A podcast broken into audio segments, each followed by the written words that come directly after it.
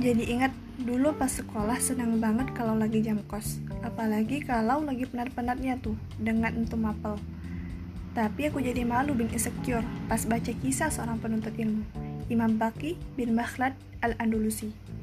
Saat datang menuntut ilmu, ternyata jam kos karena sang guru sedang disuruh cuti.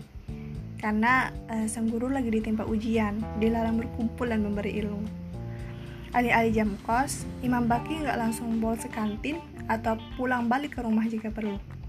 Enggak, beliau nggak begitu. Nggak putus asa, beliau pun menyamar menjadi seorang pengemis agar dapat mendengar minimal satu hadis saja.